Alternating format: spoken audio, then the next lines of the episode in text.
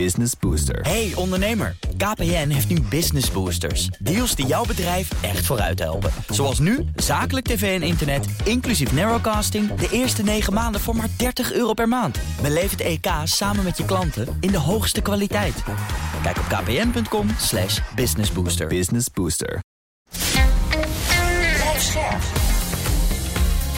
BNR Nieuwsradio. Boekenstein en de Wijk.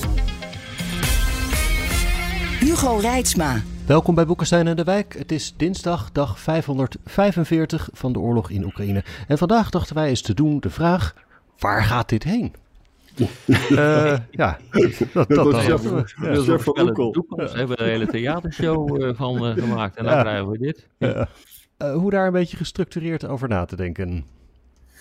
Nou, Ja, misschien, beetje... moet je, moet, misschien moet je dat, dat stuk van Mersheimer eh, erbij pakken. Een tijdje geleden heeft hij een, eh, een aardig stuk eh, geschreven.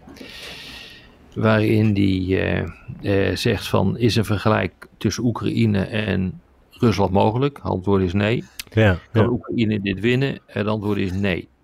ja, Nou, ja. dan kun je zeggen, nou klaar. Nee, dan kan je dus eh, nu de aftiteling starten, eh, Hugo. Maar eh, zo makkelijk komen de mensen natuurlijk ook niet van ons af.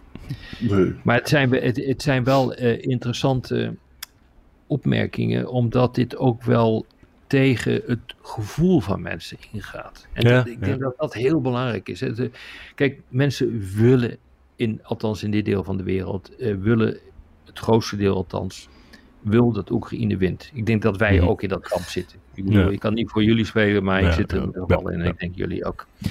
Eh, eh, maar, maar wil je, maak je een analyse, eh, dan moet je dat toch zo objectief mogelijk en zo neutraal mogelijk proberen te doen. Dan moet je gewoon Hm. gaan kijken van wat gebeurt er nou eigenlijk op de grond? Wat is de slagorde? Dat is echt heel erg belangrijk. Dus wat zijn de krachtsverhoudingen? Wat staat er voor beide partijen op het spel? En dan ga je proberen om tot een conclusie te komen. En Hm. Mersheimer, eh, en dat vind ik op zich wel goed dat hij dat doet. Ik ben niet met alles eh, eens met wat hij doet. Maar wat ik wel goed vind wat hij doet, is dat hij zegt van kijk, dit is een analyse. Ik kan het fout hebben. Het voorspellen is moeilijk, zo niet onmogelijk. Maar met de informatie die we nu hebben, en dat is eigenlijk, en daarom vind ik het wel belangrijk om dat even te zeggen, dat doen wij namelijk ook. Met de informatie Ja, die we ja. nu hebben, maken we nu deze analyse en komen we nu tot deze conclusie. Stel je voor dat eh, eh, de Russische krijgsmacht in enkel lab door middel van vergaande incompetentie of, of, of, of het totaal ontbreken eh, van moreel in één klap in elkaar sodemietert en Oekraïne daardoor eigenlijk vrij spel krijgt, ja, weet je, dat, dat zijn veranderingen, daar kun je niet op plannen. Dus wat Mersheimer doet, hij redeneert als een planner, een defensieplanner, en dat doe ik ook. En volgens mij doen we dat in dit programma continu. Je redeneert als een defensieplanner en je, je zegt van oké, dit zijn de feiten, we zetten dat achter elkaar en dan is dit de conclusie op dit moment. Arend Jan? Ja, wat, wat, wat Mersheimer eigenlijk doet, hè, van, eh, hij denkt dus dat uiteindelijk Rusland gaat winnen. En dat de- definieert hij als dat dus Rusland in staat zal zijn om een deel van Oekraïne te behouden. Hè. En dan komt de belangrijke vraag, ja, wie gaat dan die, die attritieoorlog, die uitputtingsoorlog, wie, wie gaat dat winnen? Nou, dat wordt volgens hem door drie factoren bepaald. Hm. In de eerste plaats, je, je moet, beide partijen moeten dat heel erg de wil hebben om te winnen. De balance of resolve wordt dat genoemd. Hè? Mhm. En dan zegt hij, dat is gelijkspel. Zowel de Russen als de Oekraïners willen dat heel graag. Oh, Je zou hier kunnen zeggen dat het misschien toch zo is dat de moreel aan de Oekraïnse kant groter is. Maar goed, dat is het punt wat hij maakt. Tweede is de population balance. Hè. Heb je heel veel mensen waar je helmpjes op kan zetten? Nou, dat is natuurlijk een Russisch voordeel. Hè. En hij zegt ook de, de casualty exchange ratio. De Hoeveel slachtoffers kun je verdragen? En hij vindt dat ook in het Russische voordeel. En hij zegt daarbij, het stuk, is, Ja. het stuk is van 23 juni overigens, een beetje achterhaald. Maar hij vindt, daar zou hij trouwens heel goed gelijk in hebben, is dat de Oekraïne ons toch steeds vertelt dat er eh, minder slachtoffers zijn dan in werkelijkheid. En ik denk dat hij daar gelijk in heeft. Ik denk dat er Hmm. behoorlijk veel Oekraïnse slachtoffers zijn gevallen. Hmm. Nou, die, die, dit, dit is een kapstok waar je dan met mening over kan eh, verschillen. Eén Ja. punt ik heb, heb ik al genoemd. Hè, van ik vind dus dat je zou een argument kunnen ophangen dat de vrijheidsliefde van de Oekraïners groter is dan eh, wat het Russische systeem in, in de krijgsmacht met al zijn corruptie. Dan een Rus uit het achterland die je inderdaad met, een, met een loontje uit, uit een slecht bestaan lokt en die er helemaal geen belang bij heeft. Dat vind ik ook een raar. En dat, daar kan je ook over, over die bevolking een vraagteken bij stellen, want er wordt niemand gerecruiteerd uit Moskou en Sint-Petersburg, alleen uit Boerjatië of ergens ver in. En ja, misschien zijn daar op een gegeven moment de jongens ook een beetje op aan het raken. Dus, ja, en, maar ik en ik lees ook steeds dat hij... Wel, hij controleert natuurlijk wel de hele informatie uh, in uh, Rusland. Hmm. dus het is niet zo dat, uh, dat mensen overal in Rusland goed geïnformeerd zijn over die speciale militaire operatie. Of de oorlog zoals wij hem noemen. Um, en je ziet, en dat is ook een punt wat hij maakt, dat in dit soort conflicten nationalisme een steeds grotere rol speelt. Dat zie je Hmm. nu spelen in Oekraïne. Maar dat zie je nu ook spelen in Rusland. En dat is een enorme driver om mensen achter je te krijgen als leider. En dat is, speelt natuurlijk op de middellange termijn, kan dat de doorslag geven. Hè? Op dit moment is het zo dat we steeds verhalen lezen dat er, dat er te weinig Russische reserves zijn. Hè? En dat er Ja. nogal wat reserves aan de Oekraï- Oekraïnse kant klaar zijn. Dus dat kan je er ook tegen brengen. Maar Rob maakt een terecht punt dat inderdaad die nationalismekaart, die wordt heel erg gespeeld in Rusland. En die zou best op de lange termijn doorslaggevend kunnen zijn. Hè? Dat je dan toch, dat ze toch maar bereid zijn om dan te sterven voor het vaderland, om dat zo maar eens te zeggen. Ja. Nou, verder, ja, kijk, weet je, weet je jongens, ehm, een van de allerbelangrijkste punten eh, die bepalend is voor de uitkomst van eh, een, een oorlog, is inderdaad die, die, eh, die, die morele component. Dat is Ja. evident. Eh, en die is gekoppeld eh, aan wat er op het spel staat. Hm. Ehm, ehm, het gaat vaak fout als er te weinig op het spel staat. Zie Afghanistan. Hè, we hebben er twintig jaar gezeten, maar uiteindelijk stond er voor ons weinig op het spel. Dus je ziet dat dan animo om echt door te pakken, die, die is weg. Ja, ja, ja. Eh, dat gold ook voor Libië. Hoog, eh, een, eh, een grote morele verontwaardiging 2011 van oh die Gaddafi, wat is hij allemaal aan het doen? Was ook verschrikkelijk. Wordt gebombardeerd, maar je schrikt terug om met grondtroepen erin te gaan om echt orde op zaken te stellen. En de, de geschiedenis van na, na de Koude Oorlog staat bol van dat soort zaken. Mhm. Alleen in hele bijzondere gevallen ben je bereid om tot het uiterste te gaan. Voor mij is de allergrootste vraag van wat hier nu eigenlijk aan de hand is. Zijn die beide partijen bereid om tot het uiterste te gaan en wil het Westen dat ook? Want hoe je het ook bent of keert, en dat, volgens mij zegt Mersheimer dat ook, dit is een oorlog tussen Rusland en Oekraïne, maar eigenlijk tussen Rusland, Oekraïne en het Westen die een proxyoorlog voert in Oekraïne. En Hmm. is de perceptie in het Westen nu ook dat dit essentieel is? Ja of nee? Ik denk dat die, dat die vraag op dit ogenblik lastig te beantwoorden is. Als die vraag uh, klip en klaar te beantwoorden is, dan gaat het Westen all the way. En die vraag is niet te beantwoorden op dit ogenblik. Wat ja, ik bang, ja, waar ik bang voor ben, Rob, is dat. Uh, kijk, uh, het Westen heeft tot nu toe is, heeft de eenheid bewaard, heeft natuurlijk heel behoorlijk veel wapens geleverd, zeker Amerika. Maar nu heeft Europa natuurlijk allemaal hele goede smoesen. Hè? Want ja, we hebben die F-16's al gedaan en we hebben wat Patriots gedaan en, en we hebben niks meer. En we hebben ook een munitietekort, weet je wel. Dus, en die smoesen, het, het, die komen natuurlijk heel goed, de Russen heel goed uit. En nou weet ik ook dat aan de Russische kant ook problemen met de oorlogseconomie en met de munitie en zo. Maar ik zie het dan toch zomaar nog dra draaien dat, uh, dat de Russen die lijnen vast weten te houden. Een jaar Mhm. lang. Het zou zomaar kunnen, toch? Ja, dat, uh, dat zou heel goed kunnen. Het hangt dus echt, ik bedoel, de bepalende factor is van wat, wat staat er op het spel. Hm. Voor Rusland en Oekraïne is dat toch wel helder hoor. Voor Oekraïne hoef je dat niet uit te leggen, maar als je gewoon kijkt naar de retoriek vanuit uh, Rusland, waar keer op keer door, uh, door Poetin is gezegd dat de oorlog verantwoordelijk is voor deze. Uh, uh, voor, uh, dat het, de NAVO verantwoordelijk is voor deze oorlog. Hm. Uh, dat um, de NAVO alleen maar één doel heeft en dat is een strategische overwinning op, op Rusland. het land moet een kopje kleiner worden gemaakt, moet ophouden een wereldspeler te zijn. Dat is nogal wat voor het Kremlin. Ik kan me dus voorstellen dat in het Kremlin dat wel een samenbindend element is, hm. deze, deze analyse. Ja, dus dat, dat betekent dat als je dat ook goed uitdraagt. En wat je nu op dit ogenblik ziet, is dat ehm, eh, het Kremlin steeds meer controle eh, krijgt over de informatie eh, die over deze oorlog wordt uitgestrooid over de Russen. Zelfs de Telegram-kanalen komen nu steeds harder onder controle te staan van het, uh, van het Kremlin. Uh, er worden straffen uh, nu in het vooruitzicht gesteld. Um, voor, zelfs voor mailbloggers die, het, die, die, die, in de ogen van het Kremlin desinformatie geven. nou ja, goed, ga zo maar door. het, het zou heel goed kunnen zijn dat het land gewoon in die richting wordt gemanipuleerd. Nou, dan heb je dus ook voor Rusland dat er iets essentieels op, uh, op het spel staat. En dat betekent gewoon dat ze all the way gaan. Ja, voor het Westen is het dan natuurlijk maar net hoe je er tegenaan kijkt. Hè? Ik zag volgens mij was dat gisteren uh, Zelensky in het Deense parlement. Die zei van uh, wij vechten ook voor jullie veiligheid. Want als het niet in Oekraïne stopt, dan gaat Poetin verder. Die Mersheimer die zei in dat stuk van nee, maar dat is, dat is, daar is eigenlijk helemaal geen bewijs voor. Het is duidelijk een reactie op de NAVO-deur openzetten naar Oekraïne. Dus het is eigenlijk, er is helemaal geen existentiële dreiging voor het Westen, maar eerder voor Rusland, zoals ik hem dan lees.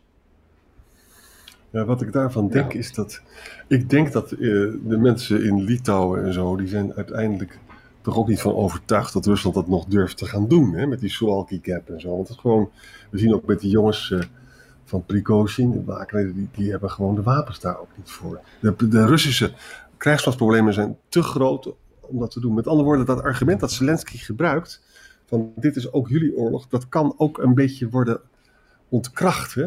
Zeker in, in het sentiment. En dat is ook gevaarlijk voor Oekraïne. Ik, ik, ik, ik denk dat als je. Ik heb vaak genoeg in die televisieprogramma's eh, gezeten, ook met, uh, met mensen van Oekraïnse komaf. Um, dit is heel lastig.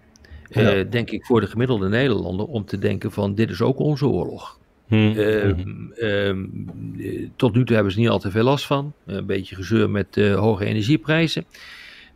maar dat valt inmiddels ook weer mee. Ehm, maar als je naar, naar Oost-Europa gaat, Polen, Baltische Staten, nou komen we vaak. Ehm, dat is echt een andere wereld voor hun is het inderdaad een existentiële strijd. Dus het loopt dwars door het NAVO-gebied heen en hm. realiseert dat Mersheimer een Amerikaan is. Dit is niet ja. existentieel voor Amerika. Gewoon niet. Ja. Uh, uh, maar het probleem is, het is een, voor Amerika was het aanvankelijk denk ik gewoon ook een war of choice. Dus een, een keuzeoorlog. Uh, maar op het moment dat je zo'n oorlog begint, ook al heb je daar gewoon een keuze voor gemaakt om het te doen terwijl je belangen niet op het spel staan, je kunt je ook niet meer terugtrekken. Want op het moment dat je gaat terugtrekken, dan komen je belangen wel op het spel te staan. Want daar ben je namelijk een loser. En dat kan je als Amerika dus ook niet, uh, niet hebben. En ja. daar, daar zit echt een geweldig probleem in. Ja.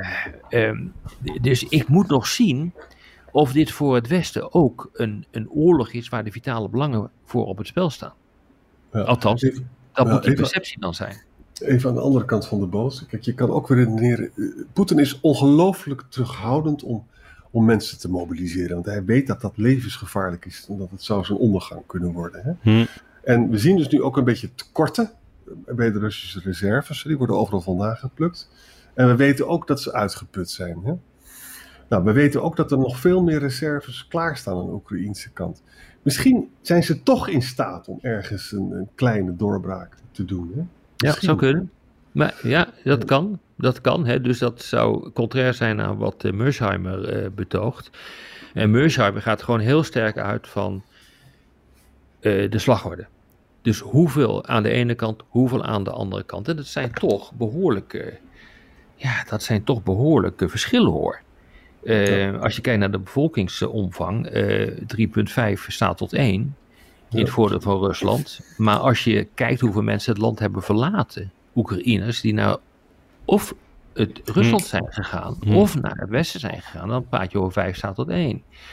Uh, het interessante is, je noemde eerder die verliesratio, uh, uh, Arend Jan.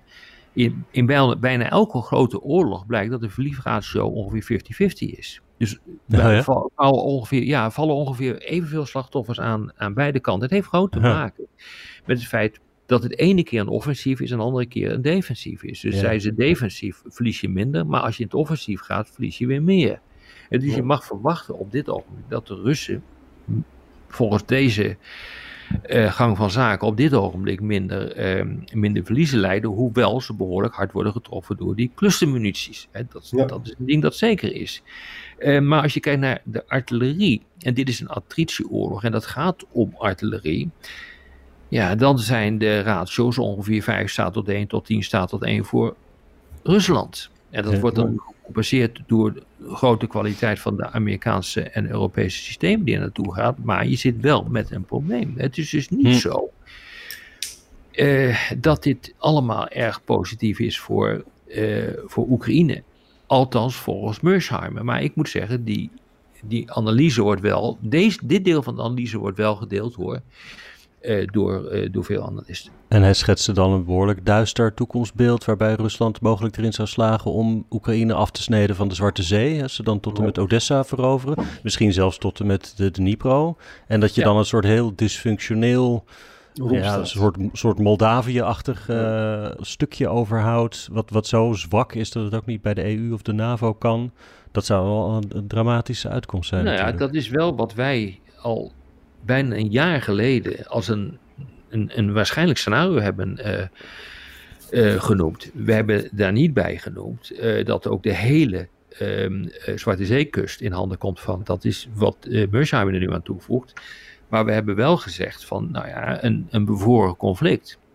Ja, ja. met een, een, een, een grijze zone van wel geen oorlog, die af en toe oplaart en dan weer naar beneden gaat. dat, is een, dat is een waarschijnlijke uitkomst van, dit, uh, uh, van, dit, uh, van, van, van deze oorlog. Dat betekent dus dat, dat Rusland ja, een overwinning heeft geboekt in die zin dat ze land hebben bezet. Dat Oekraïne niet verloren heeft, maar ze hebben wel land verloren. Ja, dat is ongeveer wat het is. Ja, dat is echt een hele ernstige situatie, want als dat gebeurt, dan wordt het ook heel erg lastig om um, dat land bij de NAVO, de Europese Unie eh, te, eh, te, trekken. En ik bedoel, dat weet Poetin ook. Ik bedoel, als wij die analyse kun, uh, kunnen maken, dan kan Poetin hem ook maken. Mm -hmm. Dus een dysfunctionele rompstaat, hè, die economisch niet kan overleven, is ook niet in het belang van het Westen. En, en daarom denk ik dat Amerika uiteindelijk zal besluiten om die software van die ATACMS te gaan veranderen. Om er nog een stapje te zetten. Dat zou kunnen. Denk het je niet dat het... Er moet wat gebeuren. Ja, maar, maar daarmee denk je, Arend Jan, dat zo'n wapensysteem een gamechanger is. Wapensystemen zijn nooit gamechangers. En dat heeft te maken heel simpel met het feit dat wanneer een wapensysteem geïntroduceerd wordt, de tegenstander zijn maatregelen gaat nemen om, ja. uh, om de voordelen van dat andere systeem van de tegenstander te mitigeren. Dus uh, ja. Um, ja, en dat is wat hier ook gaat gebeuren. Dat zou je ook zien met de F-16's. Dan worden de tactieken veranderd. Het gebeurt al op dit ogenblik. Het is op het moment dat je door, uh, laten we zeggen, clustermunities wordt bedrijf, dan ga je verspreiden. Dat, dat, dat, dat is logisch.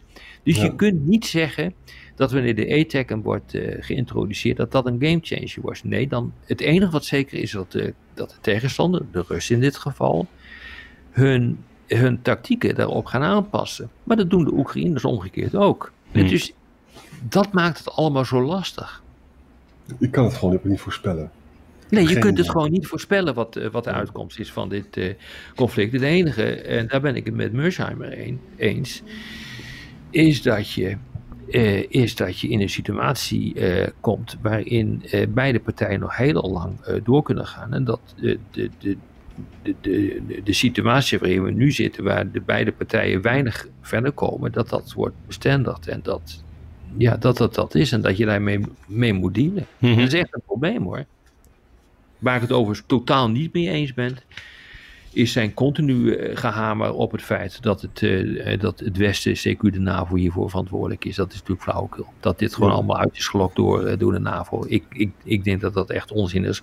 Hm. Alsof wij, net zoals de Sovjet-Unie destijds, de, tijdens um, de, de Tweede Wereldoorlog bezette landen, waar daar kwam het op neer, met een mes op de keel heeft gedwongen om lid te worden van Warschau, hebben deze landen gewoon ervoor ja. gekozen bij de NAVO te willen.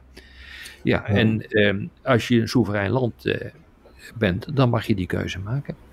En je hebt ook het NAVO-argument helemaal niet nodig. Poetin heeft dat historisch essay geschreven. Die jongen wordt echt gedreven door een historische conceptie. Nou, als je dat echt allemaal vindt, dat Oekraïne niet bestaat, ja, dan sta je al met één been in, in het land. Hè? Ja. Dus dat is, en, en dat is gewoon de verklaring. En dat is echt, een, het is een Poetins war. Het is, het is Ja. een keuze, zijn keuze geweest. En het al, allerbelangrijkste tegenargument is: stel je voor dat de EU en de NAVO niet waren uitgebreid, dan hadden we één groot niemandsland eh, geweest, waar nu een enorme klokpartij, hopelijk met politieke middelen, was ontstaan over invloed, zowel door de Russische Federatie zijn rijk wil, wil terug hebben, als door eh, de, eh, de NAVO-landen, de EU-landen die zich daartoe bedreigd voelen. Dus eh, laten we nou niet net doen alsof eh, wat, wat, wat Mersheimer nu probeert te voorspellen, dat dit allemaal het probleem is eh, voor Europa. Bovendien, het beginnen van, van een oorlog, in mijn optiek, is daar gewoon nooit een excuus voor. Ja. Dank jullie. Ja, tot, Nou, tot morgen dan maar weer. Hè? Tot morgen. Hardlopen, dat is goed voor je. En Nationale Nederlanden helpt je daar graag bij. Bijvoorbeeld met onze digitale NN Running Coach... die antwoord geeft op al je hardloopvragen. Dus, kom ook in beweging. Onze support heb je. Kijk op nn.nl slash hardlopen.